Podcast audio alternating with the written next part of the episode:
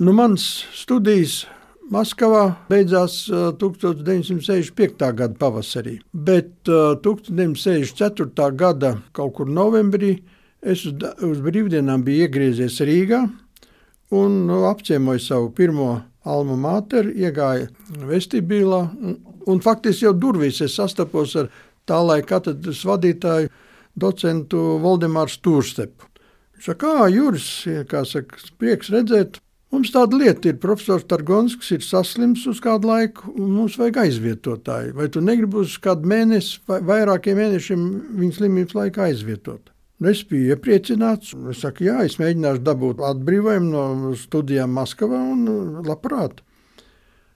Nu, man izdevās tādu atvaļinājumu dabūt, tā, tas bija fakt, man tas pirmais solis, kad es ieliku savu kāju tā jau akadēmijas durvīs. Un tagad pēc jau studiju beigām, starp citu, man gribēja Maskavas konservatoriju sūtīt darbā uz Irkutsku.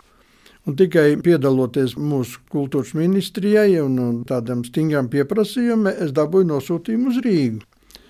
Un tagad man bija jāizvēlas darba vieta. Kā jau visi jauni cilvēki domā, nu mēs tagad tikai uh, koncertēšu, un būšu uz skatuves un spēlēšu programmas. Un, bet uh, profesors, tajā laikā vēl docents, bet nu, vēlākais profesors Turcis man teica, Juri, nedari muļķības. Tu nevari zināt, cik ilgi tu filharmonijā būsi solists, bet pedagoģa darbs tev uz visu mūžu. Nu, tie ir viedi vārdi, nu, ko man tagad jāsaka profesoram Surčam, paldies par tādu. Nu, un tā atgriežoties Rīgā, faktiski viens no pirmajiem tādiem ierakstiem, kas bija rādio, tas bija šīs Laimas Reinholdas divas dziesmas. Es domāju uz tevi un liepa lapas nolaidus. Bija tāds norunāts tāds ieraksts. Pēters Grāvelis, Remenhēna Vāgner pie klavieriem Vilna Cīrula gatavoties tam ierakstam, bijām samēģinājuši. Un tagad uh, komponists bija izteikusi, ka viņi arī gribētu klāt būt pie tā ieraksta. Bet nu, vecākie kolēģi kaut kā nebija sevišķi uh, priecīgi par šādu domu un, un nepieteica viņai caurlaidu.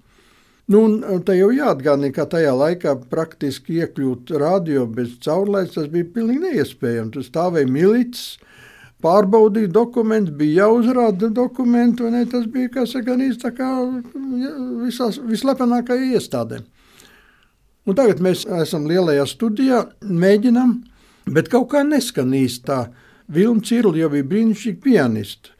Viss precīzi spēlēja, bet kaut kā, kā, saka, kaut kā tas īsti neskanēja. Un tagad pēkšņi pavērās smagās studijas durvis. Tās durvis bija ļoti smagas, tāpēc, ka, lai skaņa neiet cauri, un ierodas Launa Reinholda. Kā viņa bija tikusi iekšā, kā viņa bija tikusi garām tam postenim, tas man joprojām nav skaidrs. Nu, tagad mēs viņai, viņai nospēlējam, cik es atceros, vēlreiz priekšā. Un viņa saka, nē, tagad es, es pamēģināšu. Un viņa tagad piesēdās pie klavieriem, un tā muzika pilnīgi atdzīvojās, pilnīgi savādāk. Viņi spēlēja brīvi, improvizatoriski. Tur vairāk neeksistēja kaut kāda taktsvītra vai kaut kas tamlīdzīgs. Nē, bet tas bija tāds brīvs lidojums. Un tā dziesma ieguva pilnīgi citu, citu raksturu. Un man liekas, ka arī Vilna Cīrula pēc tam saprata, kā tas ir jā, jā, jāspēlē. Un, un tas ieraksts, man liekas, ka tādā veidā arī, saka, ar, ar autors tādu, var teikt, akceptu un autors tādu paraugu, tā tika veikts. Žēl, ka uh, tie vīri, kas bija pie ierakstu pults, kad varbūt nav fiksējuši to, kā viņi, viņi to darīja. Nu, tad tikai nobeigumā es vēl gribu teikt, jā, kad es tā jūtos drusku vainīgs, ka tie man dāvātie skaņu darbi nav, nav atskaņoti, neesmu viņus iestudējis, bet nu, tagad gatavojoties šai mazai sarunai, es tās nocēsu, uzlicu uz pults un varbūt ka kaut, ko, kaut ko izdarīšu.